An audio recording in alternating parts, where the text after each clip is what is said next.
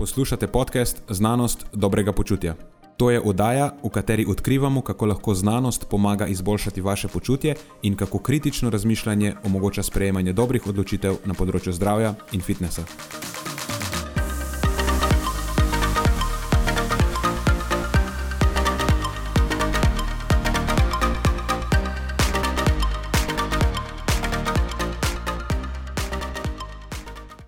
Pozdravljeni, z vami sva Nenad in moj sovoditelj Marijo. Tokratna epizoda je ponovno filozofsko obarvana, proti koncu pa tudi precej vnetljiva. V prvi tri četrtini se pogovarjava o integriteti, o definicijah integritete, pomenu integritete, tako pri delu z ljudmi, kot tudi na ostalih področjih javnega življenja, predstaviva pa tudi najno stališče, da je integriteta pravzaprav nadvrednota in da brez integritete drugih vrednot človek sploh ne more imeti. No, v zadnji četrtini pa najna debata malenkost iztiri, recimo, da na področje politike in družbene pravičnosti, odgovornost za to lahko prevzamem jaz, ampak kakorkoli, poslušanje tistega dela toplo odsvetujem vsem, ki so posebne snežinke ali pa se prehitro počutijo užaljeni, ker za izrečeno se niti v najbolj divjih sanjah ne nameravam opravičevati, v celoti stojim za povedanim, ker povedano trdno podpirajo dejanski podatki. Preden začnemo, pa se moram zahvaliti še našim sponzorjem. Zaenkrat to še vedno ni velika korporacija, temveč zvesti poslušalci, ki nam izkazujete zaupanje in podporo s prijavo v našo člansko skupino Znanost dobrega počutja. Hvala vsem, ki s tem držite luči prižgane in omogočate podkastu, da raste in postaja še bolj kakovosten. Hvala tudi vsem, ki nas podpirate s pozitivnimi komentarji in visokimi ocenami, ter s tem, da priporočate podcast svojim znancem in prijateljem. Zdaj pa je končno čas za začetek epizode. Uživajte ob poslušanju.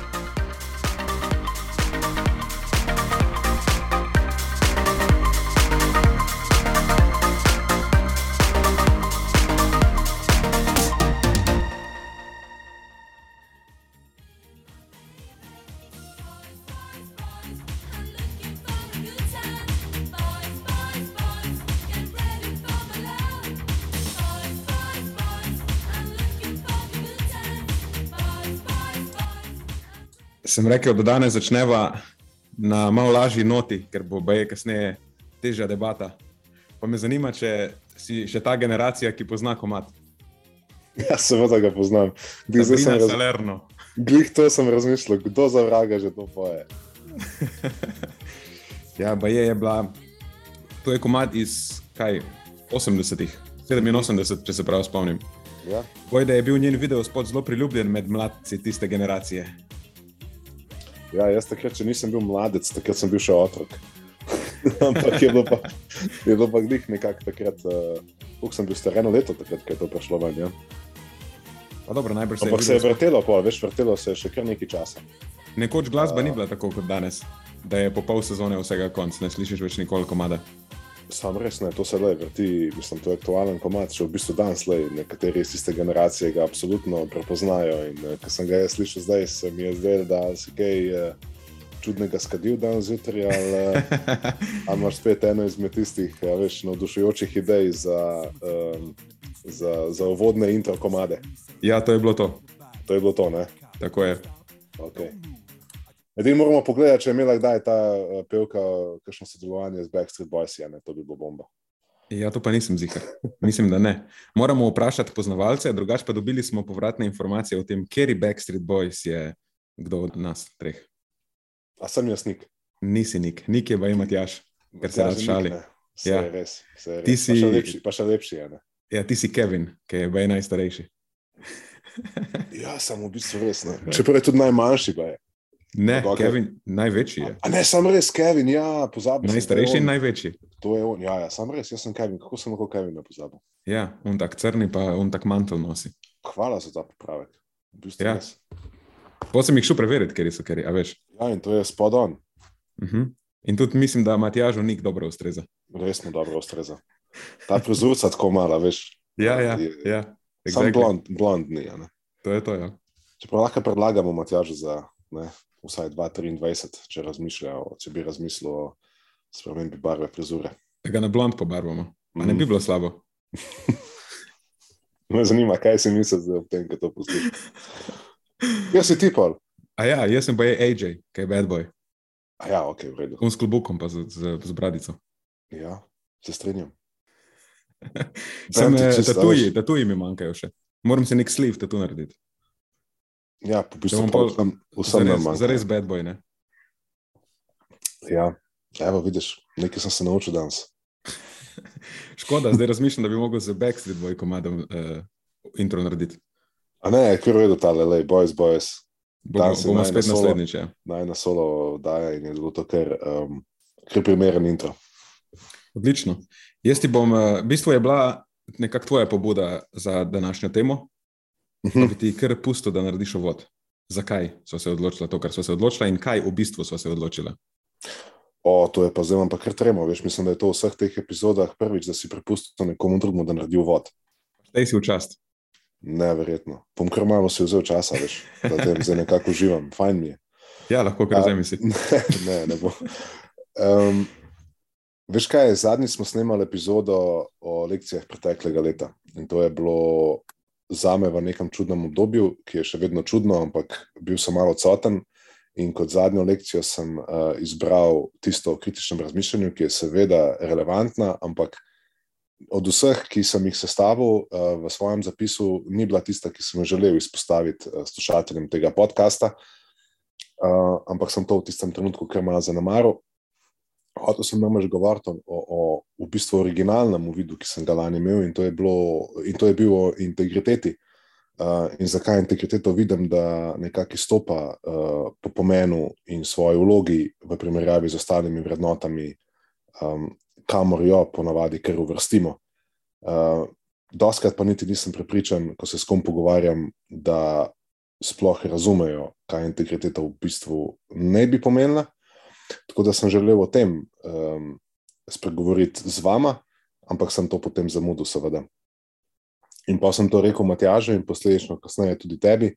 In se ti je zdela ful dobra ideja in evo danes v bistvu tukaj, da uh, snemava uh, solo epizodo o tem, v bistvu, kaj integriteta pomeni za naju oziroma za nas. Jaz bi dodal samo še eno stvar. Mislim, da smo po tistem pogovoru se tudi strinjala, da je na vseh področjih, kjer se dela z ljudmi, kjer ljudje polagajo svoje zaupanje v tvoje roke na nek način, uh mhm. -huh integriteta ena zelo, zelo pomembna vrednota, oziroma nadvrednota, svoje potem v bistvu rekla. Bova potem tudi, mislim, da razdelala, zakaj se nam zdi to pravzaprav nadvrednota.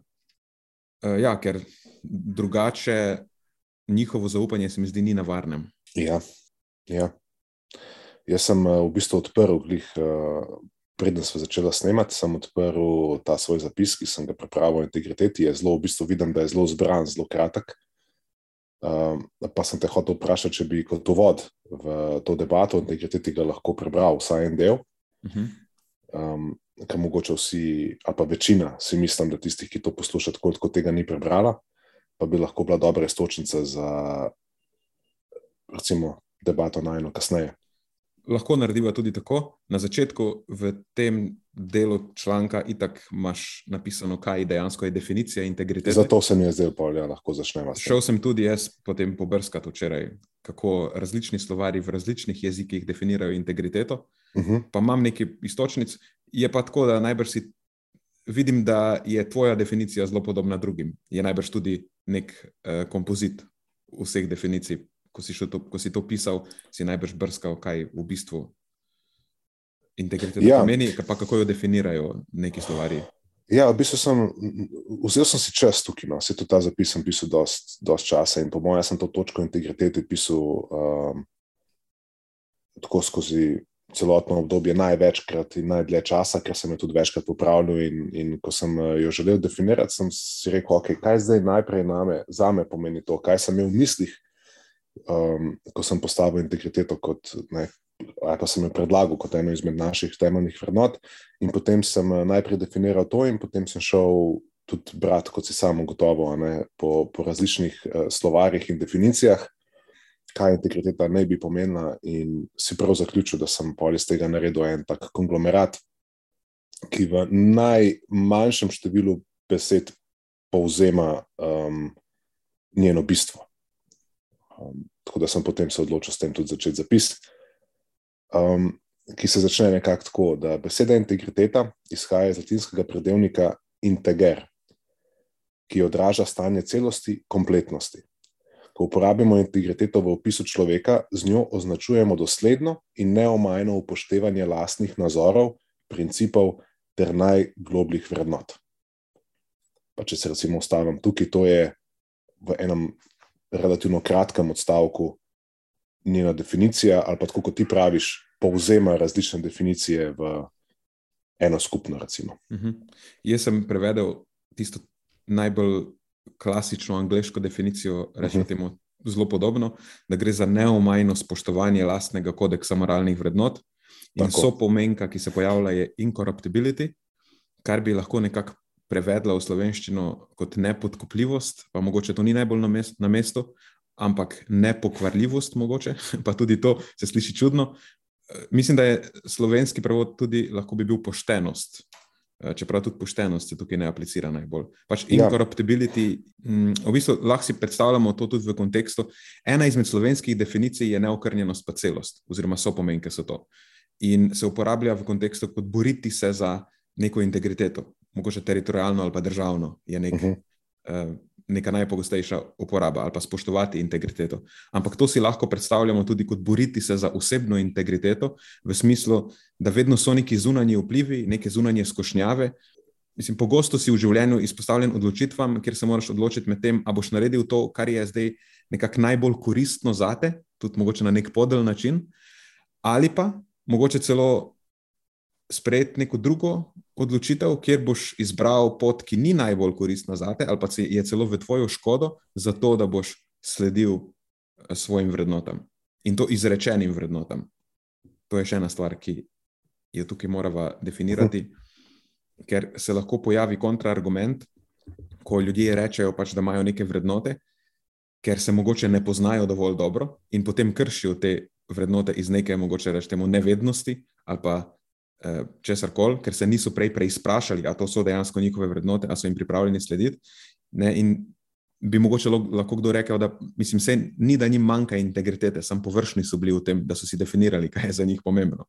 Pa se mi zdi, da je to en zelo pomemben del integritete, je tudi to, da upraviš svojo domačo nalogo, se temeljito preizprašaš, kaj so dejansko tvoje vrednote in jih potem tudi spoštuješ, ko pride do tega, da kot angliži rečejo, when the rubber hits the road ko si mhm. izpostavljen neki dejanski situaciji, uh, kjer se moraš pokazati kot nekdo, ki ima integriteto ali pa nima.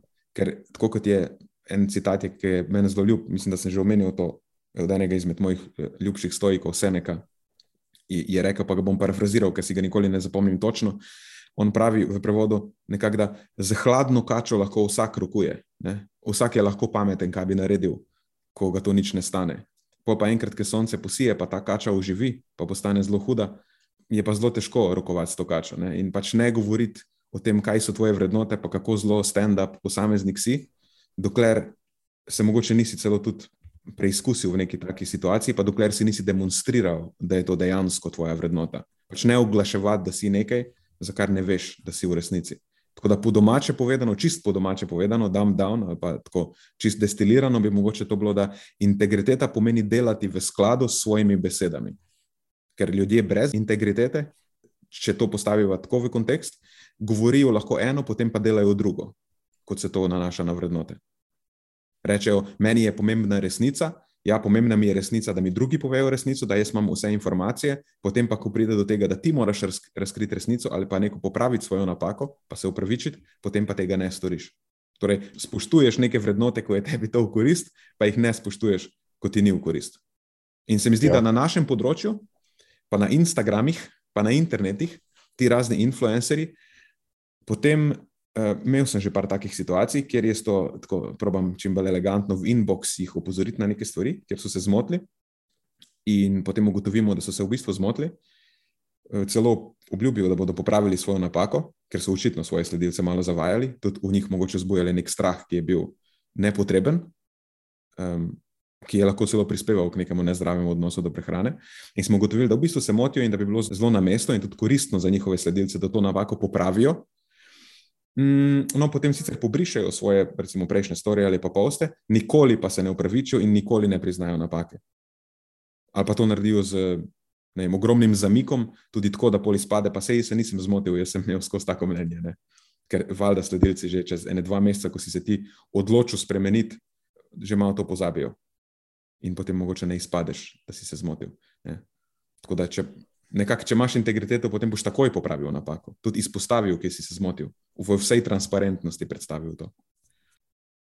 V času, ko sem te poslušal, zdaj le sem je kar nekaj žaren sprežgalo v, v, v moji glavi. Um, in uh, bom odgovoril, verjetno, tekom najmenjega pogovora na vse. Um, ampak ena prvih, mogoče bolj smešnih, je, ki si omenil Seneko, pa njegovo kačo.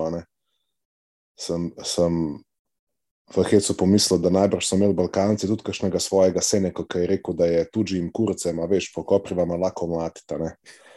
Tako da nekako je to, to verjetno, to verjetno gre, gre, gre ta, ta rek v to smer, ne? da smo vsi mi vrlo pogumni, takrat, ko, ko se nas uh, ne tiče. Imeli smo tudi slovenci najbolj svojega seneka, pa je bil malo bolj oglajen, ker je rekel, da prilika dela tatune. A prilika delati to, ok, ta se mi nekako ne usede, to je fajn.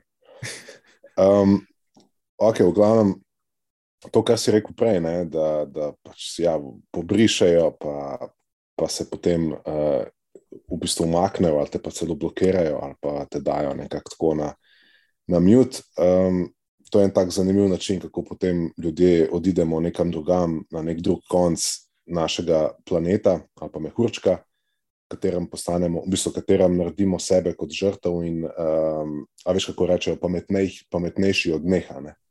Tako da večkrat se mi zdi, da e, je to, ne, kot je vse ostalo, uh, um, ko ti nič drugega ne ostane, potem lahko kaj ta zga narediš. Ne? Pobrišeš komentarje in rečeš, da sem itak, veš, jaz pametnejši, I am above all this, ne, jaz sem, I am the bigger man than, than him. Um, in, in to je nek, nek tak vzorec, ki sem ga tudi jaz mogoče opazil, ko poskušaš nekoga opomniti, uh, neodvisno od tega, kako to narediš, um, se dobesedno preobrazi v drugo osebo. Uh, ampak, ja, tukaj si, si zdaj dotaknil ene izmed mojih lekcij mm. iz tiste epizode. Da, če hočeš sprejemati kritiko, moraš ja. biti zelo, zelo samozavesten sam s sabo. Uh. Tako da tukaj se niti ne gre, da jaz te ljudi vedno obsojam, v bistvu jih ne, doskrat se mi malo zasmilijo.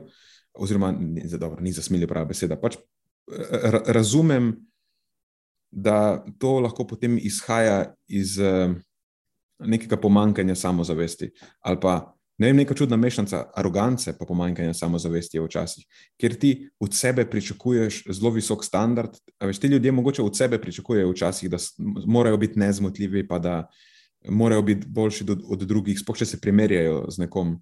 Eh, potem to doskrat v njih zbuja nek občutek eh, nezadostnosti.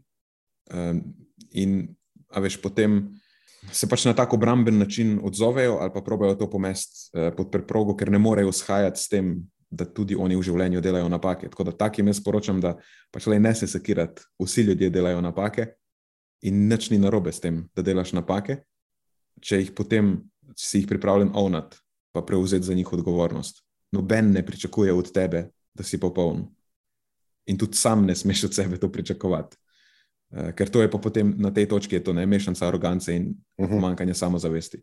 Ker po eni strani si postaviš visoko stopničko, ki je itak nikoli ne moreš doseči, in na ta račun potem valjda ti bo vedno primanjkovalo samozavesti, ker nikoli ne boš zadovoljen sam s sabo, če je tvoja referenca tak, tako visoka stopnička.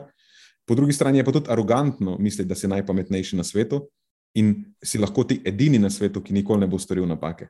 Mislim, da to ni nek obstoj, ki bi ti prinašal srečo.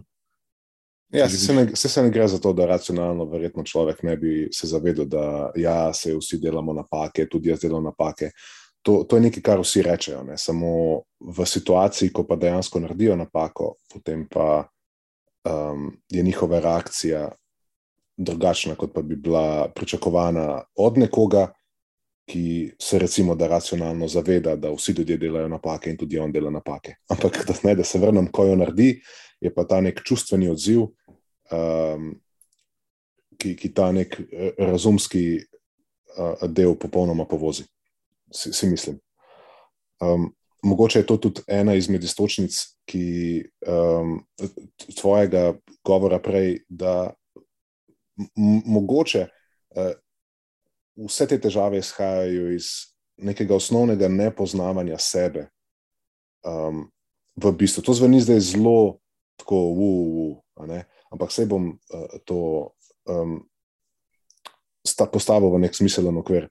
V današnjem času se mi zdi, da mogoče res se ukvarjamo, veliko se imamo stvari, stvarmi za ukvarjati. Če pogledaš socialne medije, če pogledaš uh, Instagram, Facebook, um, naše delo, pisanje objav, uh, ukvarjanje s strankami, uh, celoten tempo življenja, v katerem živimo, se mi zdi, da to besedno je možno. Od jutra, ko se zbudiš, pa do večera, ko greš spat, se ukvarjati z milijon različnimi stvarmi, z različnimi življenji drugih, storiji, um, vse možno spremljaš, spremljaš ljudi okoli sebe, ampak sam sabo se pa relativno malo ukvarjaš, če sploh, če sploh si kdaj postaviš neka taka vprašanja, okay, ka, ne, kje so moje vrednote, zakaj so to moje vrednote, kakšen sploh človek jaz sem, na katerih temeljih jaz slonim, um, kakšen človek bi želel biti, k čemu bi želel strmeti.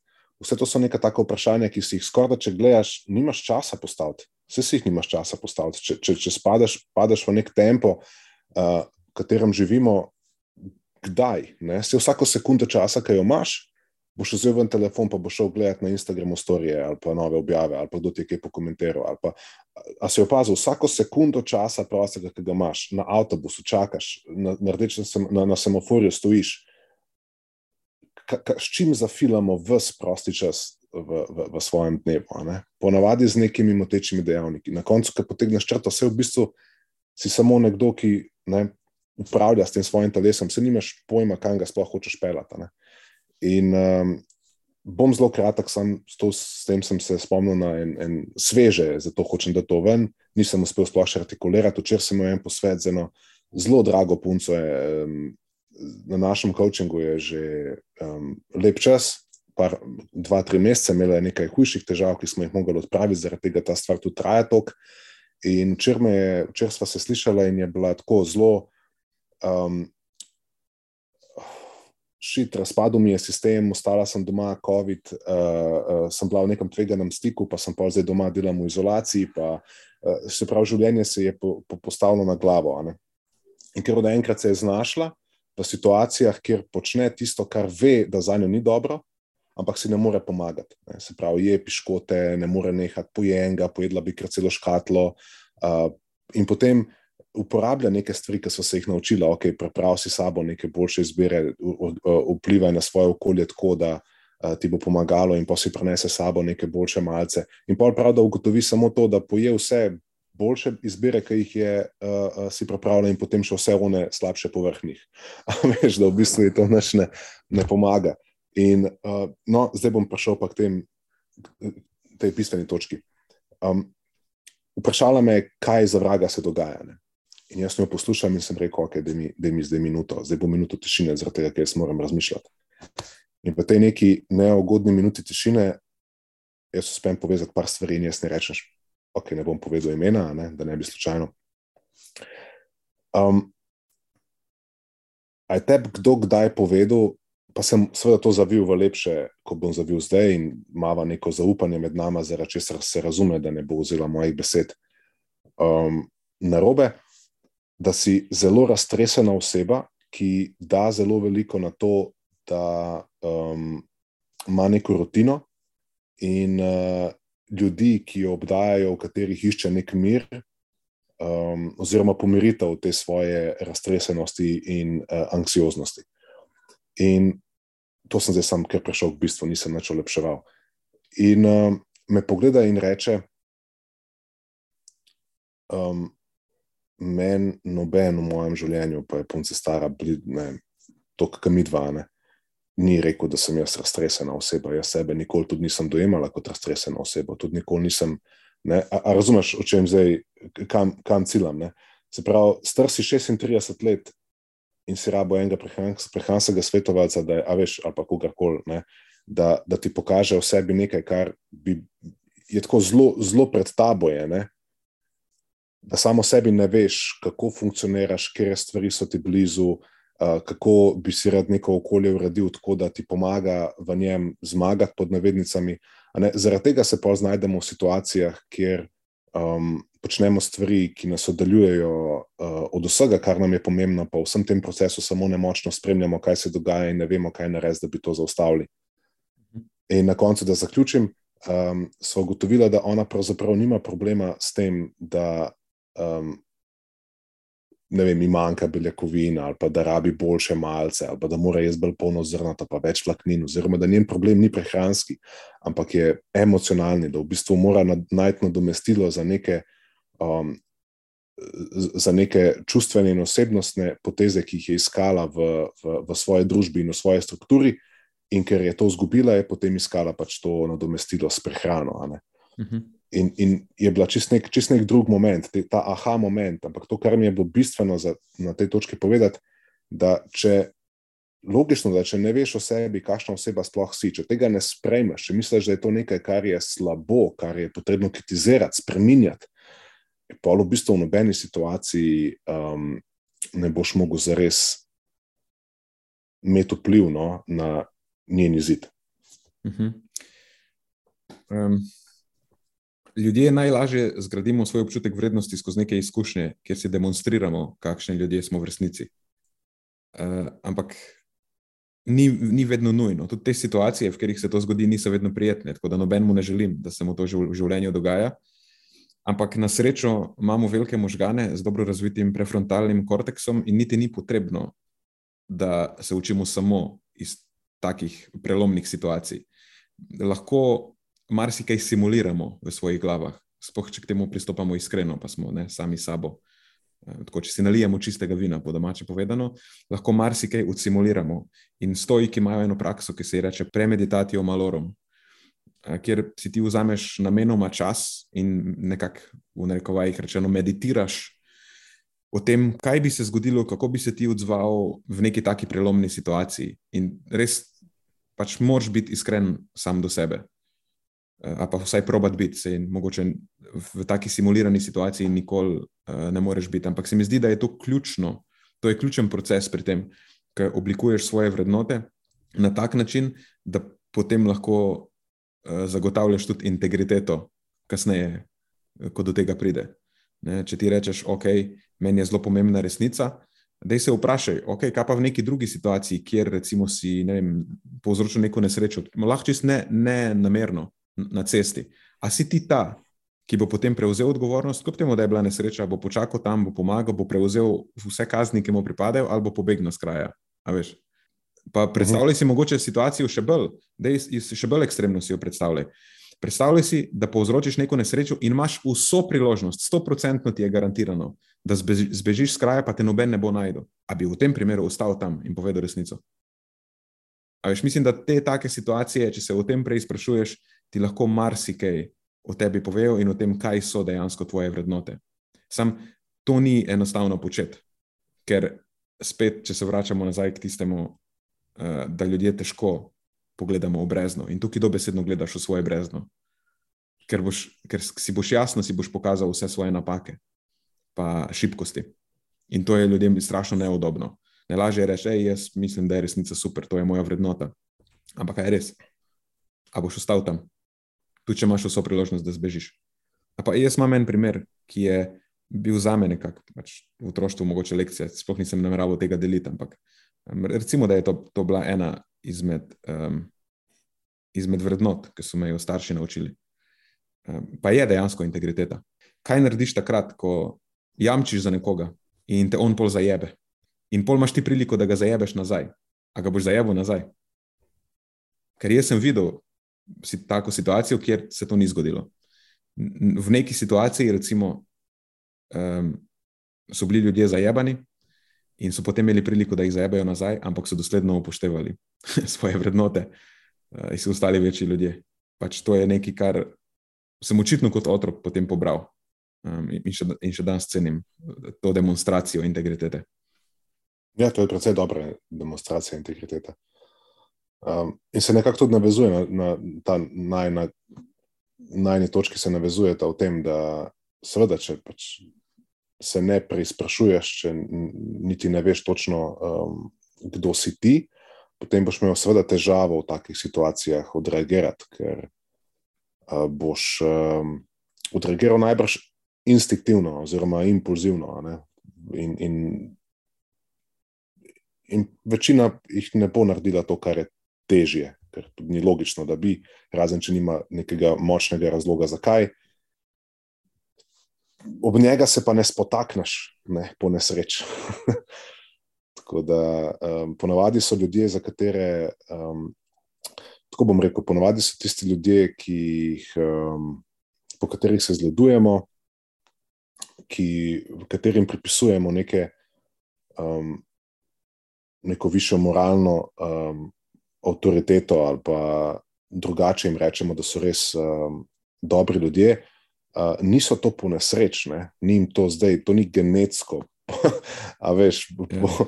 po, po nepogojeno. Um, ne, ponavadi imajo predvsem močne razloge, zakaj počnejo to, kar počnejo, na, na način, na katerega to počnejo. In um, ta močen zakaj, če bi jih vprašali, bi ponavadi vsaj moje izkušnje so take, da znajo zelo lepo artikulirati in argumentirati, zakaj jim je neka stvar tako zelo pomembna, in ne se zgolj opreti na nek čustveni, ja, ker tako čutim.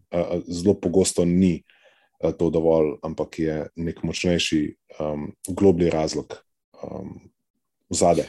Ja, mislim, da te vrednote morajo biti zelo racionalno razdeljene, ker, ta, ker tako čutim, vedno vodi po poti neintegritete.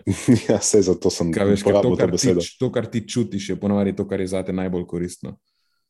Uh, ni vedno v skladu s tvojimi deklariranimi vrednotami. Ja. ja. Zdaj, tudi, ko govorimo o integriteti, že, ne, se lahko mogoče vrnemo nazaj na, na tisti zapis, pa ta nek moj vid, ne, -huh. ki sem ga hotel deliti. Zdaj lahko preberem ta drugi del. Um, tukaj sem pa porabil, se mi zdi, da res en mesec časa, da sem na, napisal, prepisal, dodelal to prispodobo, pa se to mogoče bi že samo iz tega razloga uh, jo želel podeliti. Uh, tako da, evo, prosim, če potrpite pol minute z mano, uh, zapis gre tako. Uh, vrednote na individualnem nivoju razumem kot stebre osebnosti, ki služijo kot skupni imenovalci našega obnašanja v najrazličnejših situacijah. Živeti brez njih se mi zdi podobno kot poskušati brez vesel usmerjati svoj čovn po razbrukanih brzicah. V prenesenem pomenu bi to pomenilo, da nas brez vrednot, tako kot brez vesel, v življenju odnese, kamor nas pač odnese. Naše odločitve tako niso odraz osebnih vrednot, ampak različnih zunanjih vplivov, s katerimi se v določenem trenutku najtesneje poistovetimo ali vidimo v njih določeno korist. V tej prispodobi, kjer so vesla vrednote in brzice ponazarjajo življenje, predstavlja integriteto naš čovn. Brez čovna bomo prej ali slej zavrgli še najboljše veslo, kot bomo zavrgli tudi naše vrednote, če nimamo integritete. Pika. No, in to je recimo ta del, uh, o tem smo mi dva z Nejanom sposobna debatirati. Um, ure, tudi, tudi sva. Uh, ampak bistveno uh, za me je bilo spoznanje, da sem pred tem letom uh, sam dojemal integriteto in definiral integriteto bistveno bolj osko, kot pa v, od zdaj naprej.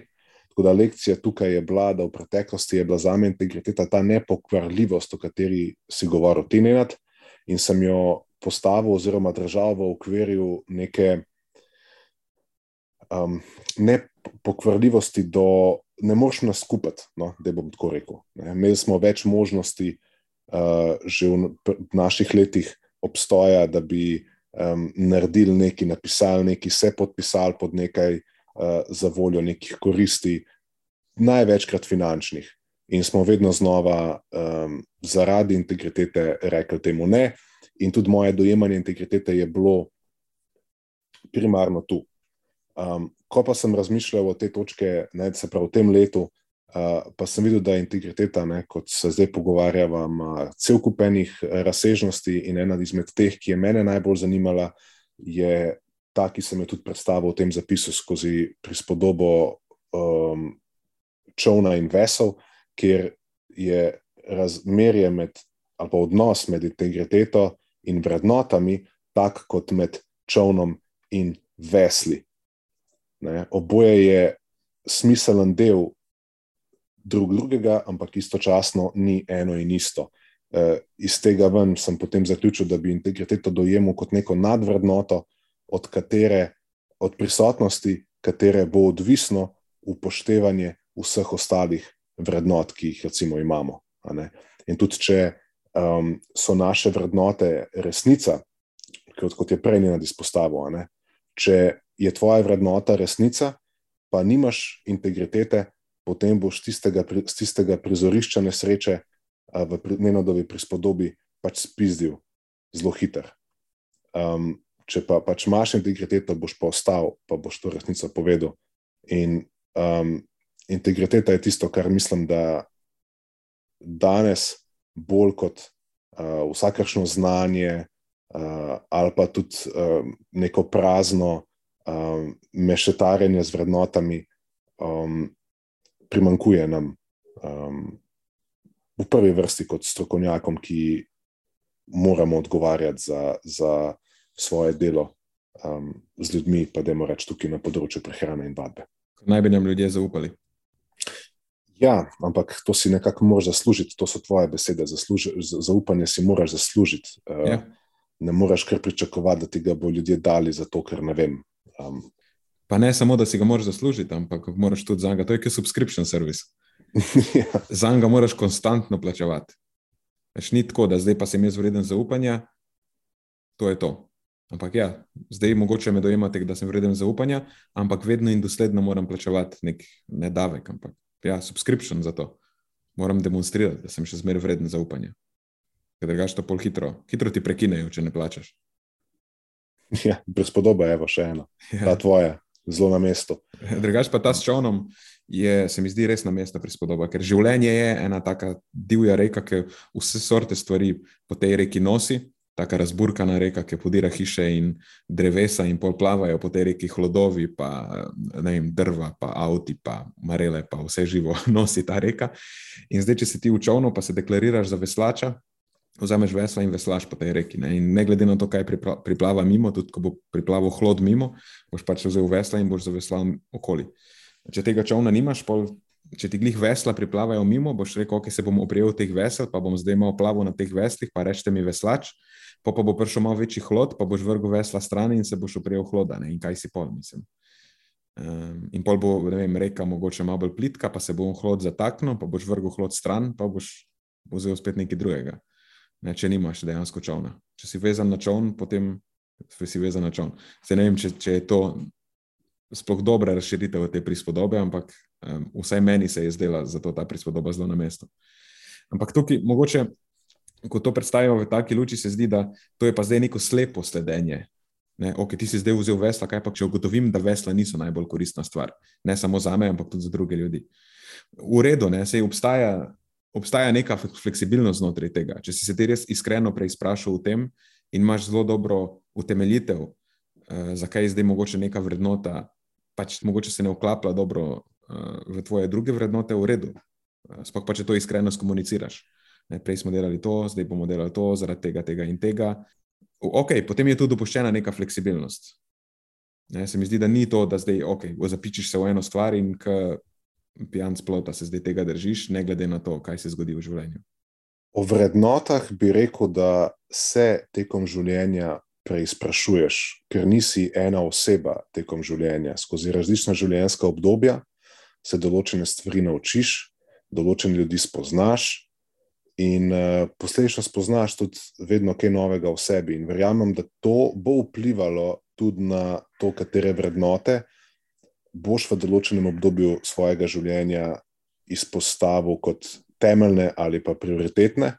Tako da bi želel izpostaviti, da vrednote niso neka fiksna, rigidna uh, ne, reč, uh, ki te spremljajo celo življenje, ene iste misli.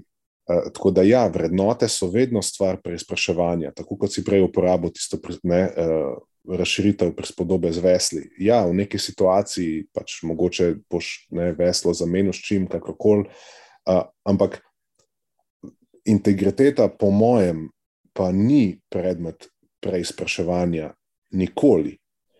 Integriteta je, po mojem mnenju, samo stvar, imaš ali nimaš. It's simple as that. Um, ja, absolutno. Dovoljeno ti je se preizpraševati v drugih vrednotah, absolutno lahko jih uh, mogoče daš malo na stran. Če glih ne verjamem, da lahko čist zamenjaš svoje vrednote. Veš, tebi, če, je, mhm. če deklariraš, da ti je resnica vrednota, ne predstavljam si življenjske situacije, kjer bi nekako, tudi če si deklariral uh, integriteto, da bi lahko to resnico nekako zamenjal po mojem, je tvoj nabor vrednot odvisen, oziroma te vrednote so soodvisne. Ponavadi, ko deklariraš eno določeno vrednoto, če si deklariral kritično razmišljanje, moraš deklarirati resnico. Jaz, uh, ne, in, in mislim, da ja. ne moreš nikoli, ne moreš drastično tega, uh, niti ne moreš drastično tega spremeniti. Ne. Tudi če si, deklariral, če si deklariral kritično razmišljanje, pa resnico, pol ne moreš denarja ali pa bogatstva deklarirati kot svojo vrednoto. Absolutno. Ker to te dve se boste na neki točki stepli sabo. Če pa oboje deklariraš, to pa pomeni, da nisi dobro razmislil o tem, kaj je dejansko tvoja vrednota. Ker očitno nisi se preizprašal v vseh situacijah, ki se ti lahko pripetijo, ker če bi se, bi zelo hitro si simuliral v glavi eno situacijo, kjer se boste stepli želja po bogatstvu in resnica. Tako da ne moreš obe dve deklarirati, razen če si bil površen. Ampak po tem ti pa manjka integritete. V tem pogledu, seveda, se v celoti strinjam s tabo. Uh, bolj sem mislil na to fluidnost v prioritetah uh, posameznih vrednot. To sem imel v mislih. Se pravi, če mm. dam lahko svoj primer, um, ta resnica, o kateri govoriš, na njej sem, recimo, da postavil prvi temeljni kamen uh, zdaj naše prakse. Eh, ampak sem ugotovil, kakšno evolucijo je ta moj odnos do resnice, kot ene izmed sledenja resnici, iskanje resnice um, in tudi komuniciranje resnice, kak, kako je skozi ta čas, skozi teh deset let uh, evolviral. Ne? In samo en primer, včasih sem bil brezkompromisen v smislu komuniciranja resnice, uh, danes, um, recimo, da znamo v določenih situacijah postaviti um, neko iskreno komunikacijo uh, ali pa pomoč nekomu in njegove najboljše interese pri delu s strankami, tudi pred uh, to, da resnico sploh komuniciram. Doskrat jo celo zanemarim, če vidim, da uh, v, v neki situaciji to ali moji partnerki ali, ali moji stranki pač ne pomaga. Nekoč, recimo, tega nisem um, na tak način dojemal, ampak sem vedno pač ne, stal samo za tem, in potem lahko izpade, kot da ti kakšne druge stvari niso tako pomembne. No, želim, samo, želim samo prikazati, da mogoče dobiš neko, uh, nek odnos do teh nijans in sivin, ki jih sčasoma pač lahko um, mečken prerasporejaš. Um, ampak se po celoti strinjam s tem, kar si ti rekel. Ne. Ti si šel, ti, tvoj, tvoj pogled je bil bistveno bolj neposreden uh, in točen. Ja, tukaj si imel tudi misli, ko si govoril o resnici, v bistvu svojo percepcijo resnice. Ja. In, in bi ja. mogoče lahko rekla tukaj, da gre v bistvu za nekoč si bil bolj direkten. Uh -huh. Uh, zdaj pa pač, ja, pa se do neke mere tudi oba dva, mi dva ceniva direktnost. Ampak še ja. zmer, še zmer ceniva tudi iskrenost. In potem vedno obstaja neka hierarhija teh vrednot. In recimo, da je iskrenost više na lestvici kot direktnost zato potem se včasih odločiš in nisi čist direkten, ne poveš vsega, kar ti pade na pamet. E, tudi če, kaj pa je zdaj, mogoče bi lahko koristilo varovancu, ampak oceniš pač, da mogoče mu pa vsem bolj koristi, da mu ne spucaš vsega direktno v obraz, ampak zapakiraš to na en tak bolj prebavljiv način. Gre verjetno za razmaj, razmejevanje tega, kaj je meni pomembno in kaj so moje vrednote in čemu jaz sledim, kot naprimer zdaj resnica ali pa iskrenost, in tega, kaj je to, kaj je recimo mojemu prijatelju, mojemu partnerju, moje stranki pomembno. In da ne posiljujem ne, svojega sistema vrednot tudi mm. v situacijah, ko imam interakcijo z drugimi ljudmi, ampak da znam to ustrezno zamejiti in obdržati, kar je moje zase, in dovoliti drugim, da tudi oni komunicirajo na način in se obnašajo na način, kot oni vejo, čutijo, razumejo, da je za njih prav, in da se jaz ob tem ne počutim um, nelagodno. Mogoče je to najbolj primerna beseda, ne sej, uh, uh -huh. veš, o čem govorim. Ne? Ja, bistveno bolj, si povedal to, kot jaz prej. Mislim, da v podobni stvari so govorili. Uh -huh. uh, točno o tem. Ja. Ok, po moje, a so kaj pozabili, da mi to povedo o tem? A se ti zdi, da so dobro predstavila to, kaj je integriteta in zakaj se nama zdi pomembna? Ja, mislim, zanimalo bi me, eh, če, recimo, če bo kakšen feedback od ljudi, ki to poslušajo, kako oni razmišljajo o tem, če je to za njih kaj novega, so že tako ali tako imeli. Uh, Tako, tako razdeljene stvari. Mene najbolj skrbi ta točka integritete, o kateri govoriva danes, ko upoštevam vse, kar smo povedali v kontekstu našega dela, naše industrije. Eh, pa jaz se zelo rado omejim na, na to področje, ki, ki mene najbolj okupira, eh, ker na vsakem koraku opazujem um, prakse, kjer se govori eno, dela pa drugo, uh, kjer se o vrednotah govori, kot da uh, je to nek shopping list, pač ne več, kaj daš gor, ne, um, boljš vse skupaj izpade, bolj si jak. Eh, ker od enkrat so vrednote, ja, svoboda, brez da bi sploh vedel, kaj to pomeni, ne, pa kdo mi jo krati, pa s čim jo krati, pa karkoli, ampak v bistvu ne, svoboda.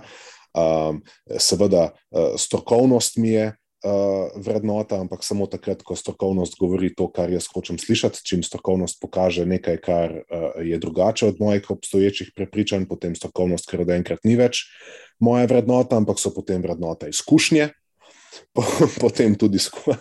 A veš, zdaj gremo dalje. Ne? Lahko naštejemo 15 različnih vrednot, ki so zelo uh, catchy in pod katere se vsi podpišajo, uh, in to se potem um, kaže v naši industriji, se mi zdi, kot um, nek poden od neke letvice, na kateri trenutno obstajamo, kjer imamo cel kupenih um, igralcev, uh, pevcev, uh, znanih osebnosti, uh, proizvajalcev prehranskih dopolnil, ki pač enostavno pred nas plasirajo uh, posameznike, ki promovirajo določene izdelke, za katere doskrat celo veva, da vejo, da ne pomagajo, pa vseeno potem to počnejo za voljo lastnih interesov, uh, ker naši kolegi.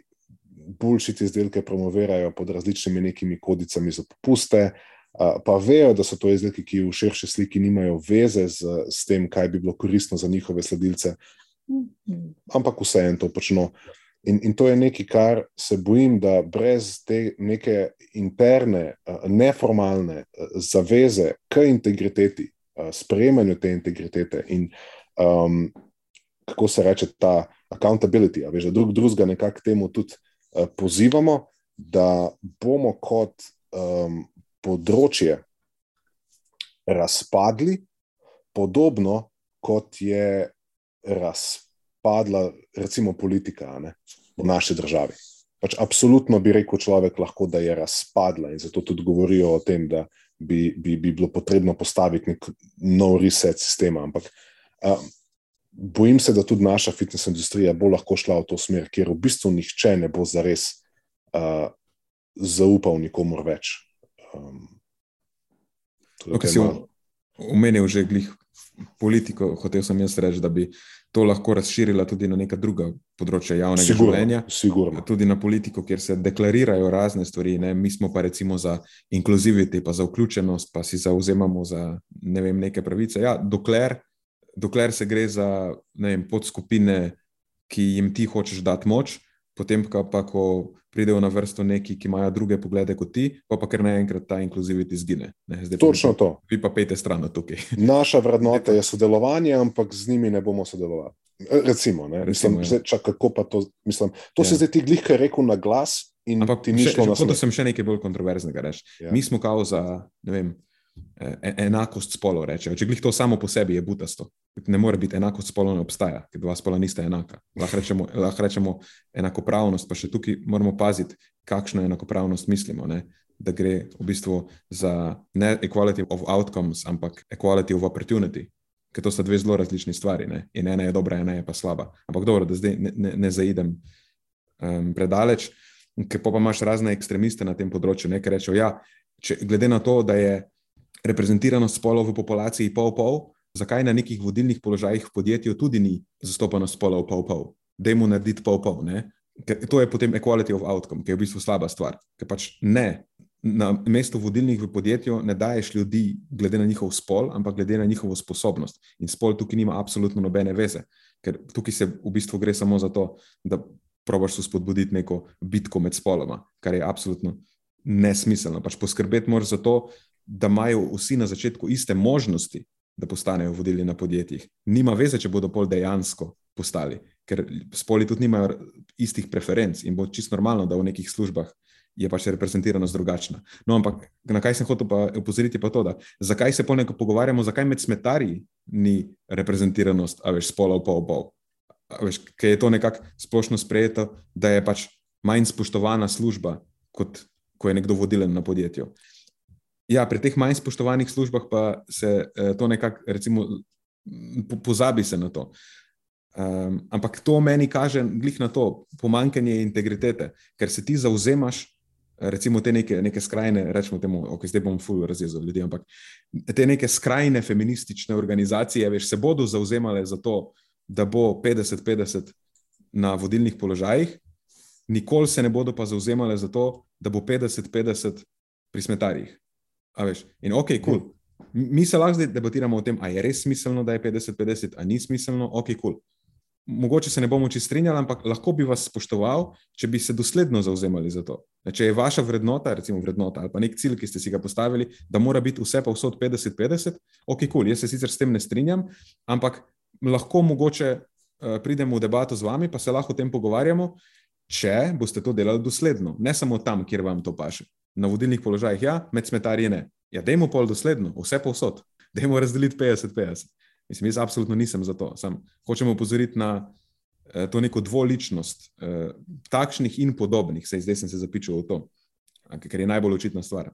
Ampak mhm. obstajajo tudi na drugih področjih najbrž taki primeri. Ne? Ko deklariraš nekaj, pa delaš nekaj, takrat, ko je to v skladu z tvojo koristjo, ne slediš pa temu več, ko ni. Ja, je, mislim, da je to kar nek tak uh, intern uh, šport. Um, ne, če pogledaš, je komuniciranje enih stvari uh, zelo popularno in prikladno, takrat, ko uh, nam to paše, in uh, takoj, ko nam več ne, potem tudi zamenjamo totalno ploščo. Tako da v bistvu ne izhajamo sploh, da več se mi zdi, da iz sebe, toliko, kolikor um, poskušamo ugoditi nekim zunanjim pravilom, kako določeni sistemi funkcionirajo. Ti si pa v bistvu izpostavil en tak zelo očiten uh, primer, ki ga mislim, da bojo vsi z lahkoto ne, razumeli, ker je tak. Tako da zdaj verjetno nek zaključek nam še uh, pritiče. Ja, ok, dobro, da zdaj mogoče so se malo že pre, kako bi rekel, mogoče so malo se prerazfilozofirala. Uh -huh. uh, ker so zašla mogoče tudi na neka področja, kjer nismo najbolj kompetentni, oziroma jaz sem zašel, pa, pardon. Ja. Uh, ampak recimo, da je politika nekaj, kar se vsakega dotika. Ja, skoraj da, skor, da bi lahko rekel, da je naše. Pa lahko vsak deklarira neka svoja stališča. Ja, kot uh, prehrana. Ne? Ja, ja, ja. ja drugač pa nisem, uh, v bistvu, jaz bi se težko zapakiral v kjerkoli predal. Um, moj pristop k temu je vedno racionalen, uh, pa nek v bistvu liberalen, če smo že čisti iskreni. Tako da jaz sem absolutno za to, da se vsem Uh, vsem spolom, bom povedal, ker v množini, veš, da mu kao spada bolj politično korekten. V, vsem spolom in ljudem vseh prepričanj in um, ne vem, kaj še vse obstaja in spolnih usmeritev usmeri to, da imajo um, equality of uh, opportunity, da imajo vsi enake priložnosti. Samo to še ne pomeni, da bodo tudi izidi pol enaki, ker ljudje smo si različni, imamo različne preference, imamo različne sposobnosti in to dejansko tudi podatki podpirajo.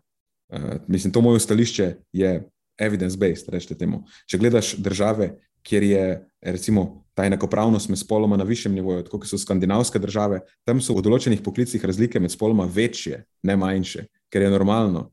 Ker povprečna ženska gravitira bolj k določenim zanimanjem, moške pa zanimajo pa druge stvari.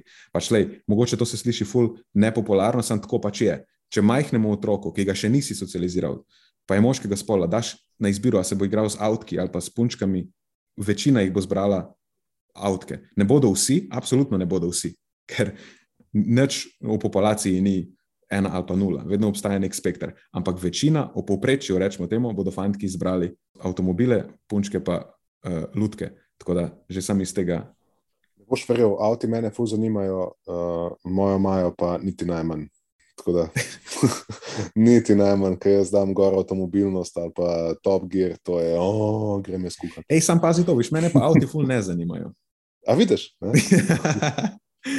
sam jaz se tudi, jaz se tudi s punčkami nisem igral, tako da mene so druge stvari zanimale. Mene so bolj žive stvari zanimale.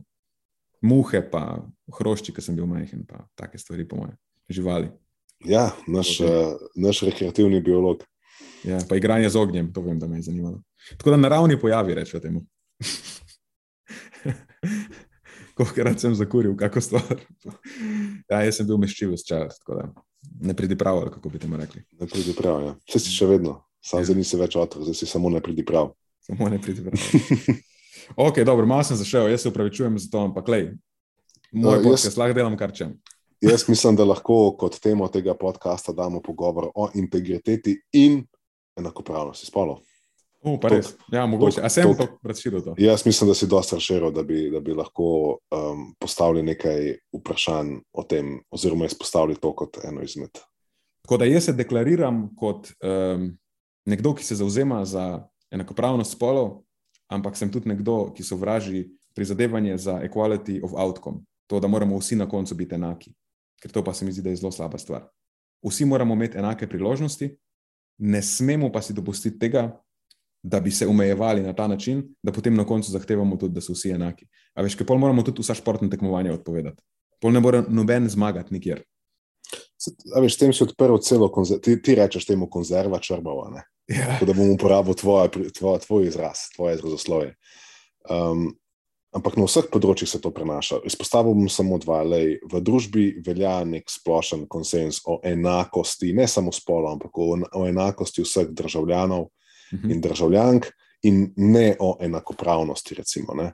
da so pred zakonom vsi enaki. Ampak nasplošno moramo biti vsi enaki, pa vemo, da nismo vsi enaki, že rodimo se ne vsi z enakimi možnostmi. Uh, z enakimi predispozicijami, z enakimi da, uh, ta, talenti, ne, kot sam praviš. Se pravi, že tukaj stvari pokajo po šivih, ampak ljudje nekaj stvari rečejo, ker jih emocionalno odsevajo, ne ker bi pa razumsko za njimi lahko argumentativno stali.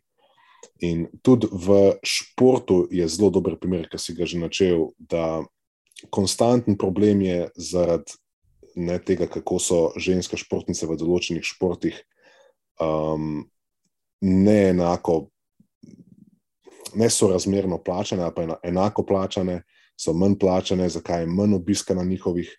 Uh, recimo, tekmah košarka, jaz izhajam iz košarke, pa lahko na tem primeru naredim. Pač, če izhajamo čisto iz nekih fizičnih predispozicij in nekih uh, um, človeških tendenc, ja, pač raj gledajo kucanja ne, čez ljudi, pa metanja trojke sredine igrišča, ne, česar so moška telesa čist fizionomsko sposobnejša. In posledično jih manj zanima spremljanje ženske košarke, ker ni enako dinamična in atraktivna. Zdaj, to, kar sem rekel, je neko, bi lahko rekli, dejstvo. Seveda se spremenja to, ampak kako ne zdaj na to vplivamo?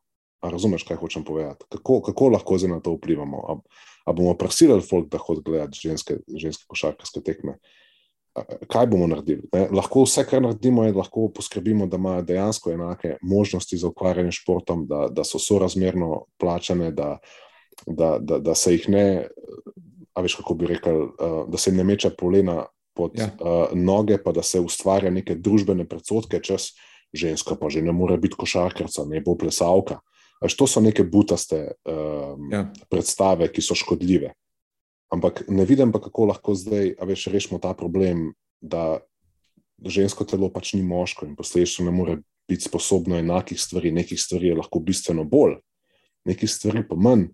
In to bo imel vedno nek vpliv. In kako se hočemo delati, da ne bo imel jaz neke rešitve ven iz tega drugačne kot to, o čemer govoriva zdaj, ne vidim. Mhm. Drugače, področje športa je zaradi takih stvari zanimivo na več različnih načinov.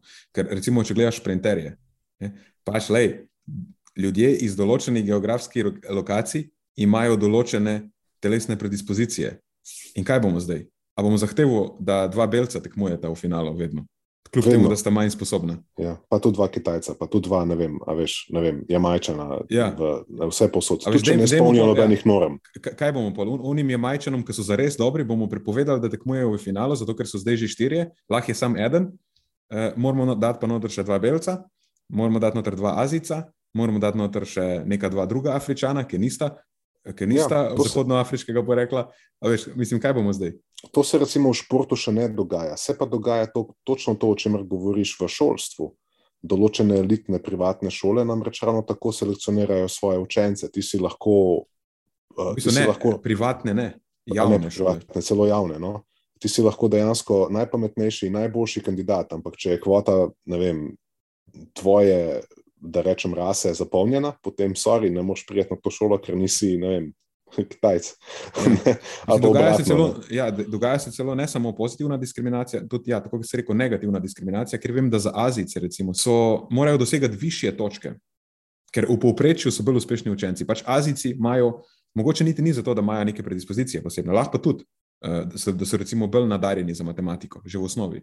Ampak nekako pre, predpostavlja se, da je v njihovi kulturi tako, da se jih že od majhnega zelo spodbuja, da je pač uspeh v šoli, akademski uspeh nekaj, kar je zelo pomembno. In če pogledaš, sploh v, recimo v ZDA, priseljenci Azijci so izjemno uspešni na akademskem področju. In zdaj so nekatere javne institucije zače, začele njihov opis omejevati, tako da morajo Azijci oziroma učenci azijskega porekla. Tudi če so recimo potomci priseljencev, dosegati više točke kot njihovi vrstniki drugih etničnih pripadnosti, da se lahko uvrstijo uh, v neko šolo. Ja. Se nek, nek Kar je bi, bi- bizarno, je. To, je, to je nekaj najbolj bizarnega, kar sem slišal. nek protiargument tukaj uh, je tudi ta, da tudi enaki, ne obstajajo enake možnosti že v tem primeru, če nekdo recimo iz manj privilegiranega okolja uh, z slabše razvitim šolskim sistemom um, in slabšimi posledično možnostmi, ne, niti, ne more, ni, niti ni izpostavljen enaki količini znanja, um, kot pa, kot si rekel, recimo nekdo iz neke druge kulture, kjer je ta neka vrednota uh, izobraževanja uh, bistveno više postavljena in posledično so njegove, uh, njegovi pogoji za, za pridobivanje znanj drugačni. Ja. Tako da tukaj se pol konstantno poskuša to na nek način um, izravnati, in veš, na kaj me to spominja? To me v bistvu spominja na smučarske skoke, ki so bili zdaj tako aktualni. A veš, ko pred časom ni bilo vetrne izravnave. In zdaj poskušajo, zdaj se v bistvu na nek način poskuša. Um, ne, Na tekmovanju o nadzorovanih pogojih to lahko narediš sam. V teh nekih dru, družbenih uh, situacijah, ki so pa tako zelo kompleksne, pa ne moreš zdaj na koncu izravnavati tega. Pač moraš se lotiti vzrokov. Ne? Ti moraš zdaj prepoznati, zakaj so določene skupine deprivilegirane in jih tam začeti popravljati, da na koncu več ne bodo deprivilegirane. Ne pa, ne pa zdaj s končnimi produkti, ki so v bistvu že odrasli, odrasli dejansko, ki so odraščali v deprivilegiranih okoliščinah, zdaj njih povzdigovati nad nekoga, ki je pač objektivno bolj uspešen nekje. Zato še vedno stojim za to primerjavo, ker tudi pri smučarskih skokih, kot v realnem življenju, se poskuša izravnavati na koncu. Ja. In kljub temu, da recimo jaz te spustim za letno mesto pri smučarskih skokih za dve, to pomeni, da bo to absolutno vplivalo na tvojo dolžino skoka in boš skočil full man. In pa ti bom poskušal dati malo več točk, zaradi tega, da, veš, vsak ja, tukaj to deluje, to hočem reči. Da, ja, ne, tukaj to dejansko ima smisel. Ne. Ja, ima smisel, ampak, da, da, ima smisel, ampak uh, kot ti bo vsak smučarski skakal znal povedati, da doskrat ta isti sistem pač ne funkcionira in jih veliko zafrkne. Uh, kljub vsem najboljšim uh, učinkom je to najboljše, kar tam imajo, ampak doskrat ni najboljše, kar v tej situaciji imajo. V situaciji, v kateri se mi da pogovarjava, pa ker na veter ne moš vplivati, pa na druge razmere. Tukaj pa na sistemske ureditve lahko in, in, se, in, in je spet, ne, uh, bi me moglo biti v interesu uh, sve, svetiti v to smer, um, raje pa kot, izra, kot, kot uh, ukvarjanje s temi izravnavami na koncu, da bi bile pa ja te najbolj poštene, ker vemo, da nikoli ne bojo. -huh. Ja, drugače pa, če bi hotel smočarske skoke v tem stilu izravnati, potem bi mogli tudi upoštevati, iz katere države prihaja, ker skakalc. In če prihaja iz deprivilegirane države, bi mogli dodati še malo več točk za, veš, ker je treniral v slabših ja, pogojih. Ker nima enakih Avstrijcem, ustricam tako odštet, takoj na začetku 30 pik. Ja, zato ker imajo najboljše pogoje. Ne? Ja, ki imajo skakalnico na vsakih 200 metrov. Da, vidiš, kako je v bistvu to en, ti, ti bi spet rekel, rabbit hole, kako je to ja. ena globoka zajčja luknja, v katero lahko zapadeš, če poskušaš na tak način loviti neko. Če končne neko rezultate probaš, ja. Ja, Če končne rezultate probaš izravnavati. tako. Pač, ja, sej, v življenju se tudi. A veš, obstaja sreča, ena stvar, ki se ji reče sreča. In na, na skokih je pač veter, ki piha, je, a imaš srečo ali Pač- nimaš. In v resničnem življenju je tudi tako. Lahko je nekdo najbolj sposoben, najbolj si pri- prizadeva za neke stvari, pa pač nima sreče v življenju. Vidiš, to, kar je govora, in smo prišli na konec. Ja, zdaj, jaz se upravičujem, zato malo sem iztiril uh, pogovor, ampak to se ponavadi zgodi, ko se mi ga pogovarjava. Kot pogovor pol tako iztiri, pa se odpre še kakšna nova tema, pa debata. Um, Mi da se, se zdaj v bistvu še dobro ogrela, tako da jaz bi zdaj eno kavico pristavil, če bi bil njena tukaj, pa bi se lepo usedla, pa bi nadaljevala. Sam veva, da mora biti obzirna do časa trajanja tega podcasta. tako je. Tako da nam je zdaj zelo neudobno, a ne, ne vem, kako zaključiti. Ne, pa mislim, da se kar da potegne črto. No? Pač, Pohecel sem se malo. ja, uh, si se nisem pričakoval upravičila. uh, po mojem so kar dobro razdelala to, vsaj najno definicijo integritete, zakaj se nama to zdi pomembno, kako vidiva, da je to, eh, to neko gojenje visoke stopnje integritete zelo pomembno za uh, to, da bo naše področje obstalo pač tako, da mu bodo ljudje lahko zaupali, eh, da bodo tudi ljudje, ki delujejo na tem področju, nekdo, ki bo zaupanje vreden. Mm, no, na koncu pa je potem stvar iztirila tudi v neke. Mislim, da preko poti, kako pomanjkanje integritete vpliva na našo trenutno politično stanje, eh, sem jaz polistiral z nekimi drugimi stvarmi. No, ampak sem si kot rečeno dodal še opisane teme ne, za podcast. Ja. Da, Dobro. Okay. Jaz, jaz sem kar zadovoljen s tem pogovorom. Ja, bom, bomo, videli, bomo videli, koliko poslušalcev mi je uspelo ra- razjeziti tem, Ja, deva potem soditi. a s prav? tem, s tem zadnjim. Ja. Deva uspešnost potem soditi. Ja, ampak sam da razjasnim, da lestvica je čim več, tem boljše. Da ne bo kdo slučajno živel v zmoti, da je kako drugače. Tako Da, čim večja vnetljivost pomeni večji rating te epizode. Tako.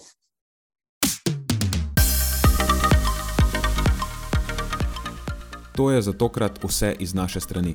Hvala, ker ste poslušali do konca. Delite epizodo s svojimi znanci in prijatelji in jo priporočajte dalje, saj s tem omogočite, da sporočilo znanost dobrega počutja doseže čim večjo množico. Hvala vsem, ki nas podpirate s članarino in tudi vsem ostalim, ki delite podcast dalje in nam izkazujete naklonjenost z visokimi ocenami in pozitivnimi komentarji. Se slišimo prihodnjič, do takrat pa ostanite premišljeni.